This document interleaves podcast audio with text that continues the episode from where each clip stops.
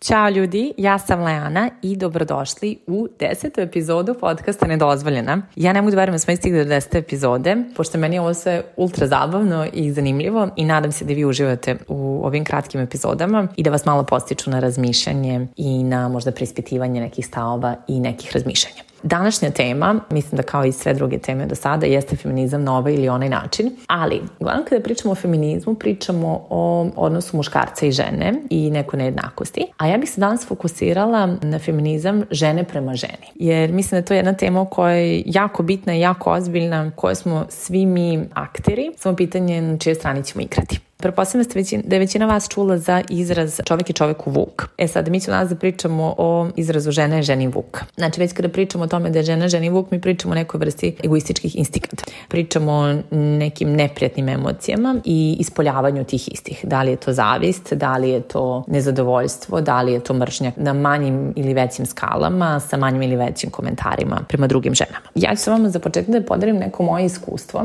onda bi se zaista okrenula kako možemo da, da menjamo ovaj svet svet i koliko smo mi zaista odgovorne za tu gde se danas nalazimo. Ja od svoje sedme godine igram basket i uvek sam se nalazila u velikoj grupi žena, prosto bilo je prirodno, bilo nas između 10 i 15 u timu i cijelo moje školovanje u Srbiji do moje 19. godine sam igrala za različite timove. Uvek sam bila okružena velikom grupom žena i to imala i svoje dobre i loše strane. Dobre strane sam zaista volala to što smo u grupi, što smo izlazili zajedno, što smo se družile i tako dalje. Ali isto tako ono što mi je negdje smetalo u tome jesu bila ogovaranje, negativni komentari i neki osjećaj da ne možeš u potpunosti se osloniš na drugu ženu. Bar ta neka moja iskustva u srednjoj školi su bila dosta povezana i sa tim što smo mladi, što smo neiskusni iz malog sam mesta i tako dalje. Međutim, kad sam otišla na fakultet i igrala tamo, shvatila sam da mi jako bilo teško se uklopim u veliku grupu, jer je postojala jako puno zavisnosti i te neke borbe i konkurencije. Prirodno nalazimo se u sportu koji je veoma takmičarski i svako od nas se borila za svoj prostor u timu, za svoje minute, za svoju igru. A istovremeno, koliko god smo se trudili igramo jedna za drugu. Mislim da smo se jako trudile da igramo jedna protiv druge. Svaka mora da se izbori za sebe, a to je nekada značilo i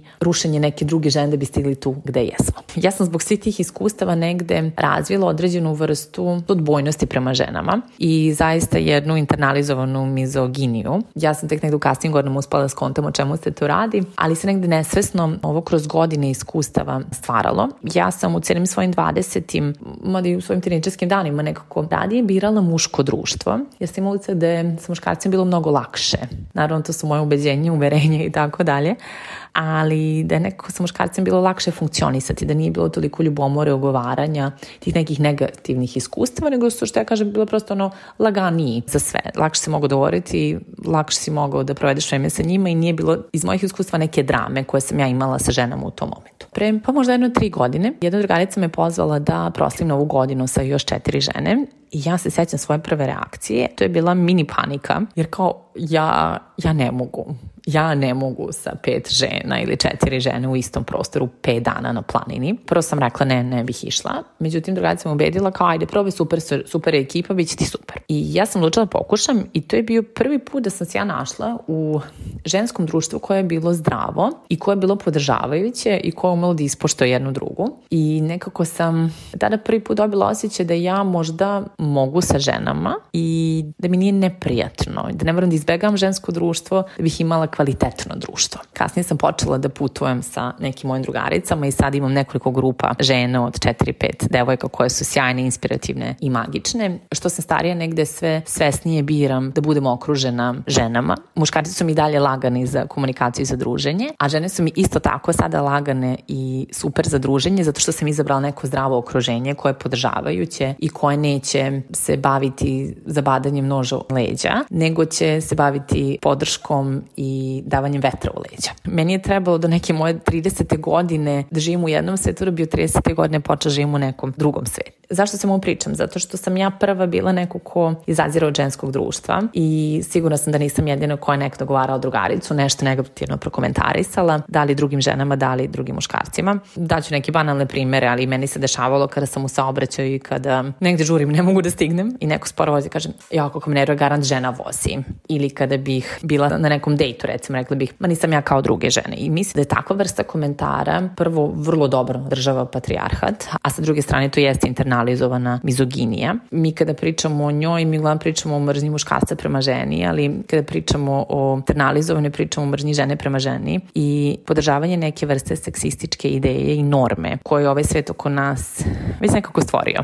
Zaista mislim da ta internalizovana mizoginija potiče od toga da mi smo naučeni na, na te stvari i da često imamo neku naviku da komentarišemo godine, izgled, posao, muža, poziciju, putovanja, pare, kako god. Često polazi iz toga da su žene nezadovoljne sobom, nezadovoljne svojim životom i da određene stavove i frustracije koje imaju ispoljavaju na druge žene, pošto se ne nose sa sobstvenim izazovima koje u tom momentu imaju. I da nisu u stanju da možda nekada registruju te svoje emocije koje se dešavaju, pa je lakše se to preneti na nekog drugog, jer nekako time se onda ne bavimo onim što nas muči, ono što nama ne valja.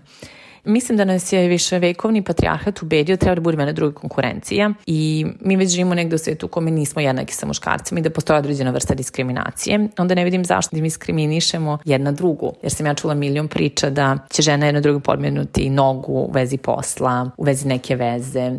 Kao da mi osjećamo da ako jedna žena uspe ili ako druga žena uspe, da mi nećemo uspeti. Kao da ako druga žena pronađe sjajnog partnera, momka, dobar posao, um, veću platu, da onda neće biti prostora za nas, da mi imamo kvalitetnog partnera, bolju platu, bolji posao i tako dalje. Što uopšte nije istina.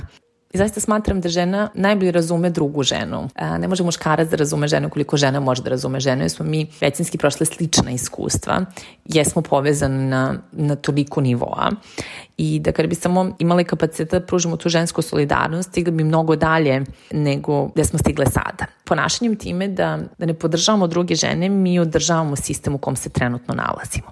I samo stvaramo tu još veću podelu koja, koja postoji. Umesto da pružamo podršku, mi pružamo prezir, zavist i neke negativne emocije koje su samo slika nas, gde se mi nalazimo u tom momentu emotivno, fizički, mentalno, kako god. Ništa se ne postiže time što je žena ženi sudija. Mislim da se mnogo više postiže time ako mi izaberemo da budemo podrška jedna drugoj. Ovaj sistem ko mi trenutno živimo, on je davli danas mišljen da mi ne napredujemo. A mi ako se udružimo, mi ćemo i tekako napredovati. Mislim da ta prava istinska ženska snaga jeste upravo u podršci jer ako čuvamo nekom leđa, onda nemamo vremena da podmećemo nogu. I ako čuvamo nekom leđa, mislim da samim tim mi obezbeđujemo da nama neko čuva leđa i da mi postajemo deo nekog mnogo većeg kruga, podrške, ljubavi i tako dalje.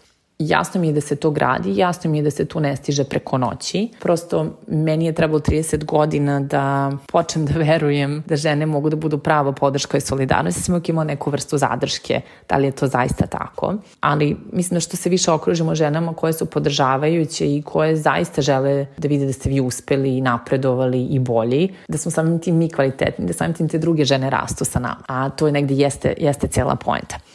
Eto, to, to je neka priča za, za danas. Mislim da imamo moć da promenimo sve što se dešava oko nas, jer nema potreba da patrijarhat mirno spava, a da mi čerupamo jedno drugoj kosu. Mislim da možemo da se borimo protiv patrijarhata time što ćemo čuvati jedno drugoj leđa i biti podrška. Prosto želim bih da vas inspirišem i navedem na razmišljanje da li ste vi nekada bili deo te internalizovane mizoginije, da li ste vi nekada imali komentar jedna prema drugoj ili prema nekoj drugoj ženi koji bi seksistički, nefer, nekorektan, a da niste sebe ni uhvatili u tom trenutku da to izgovarate.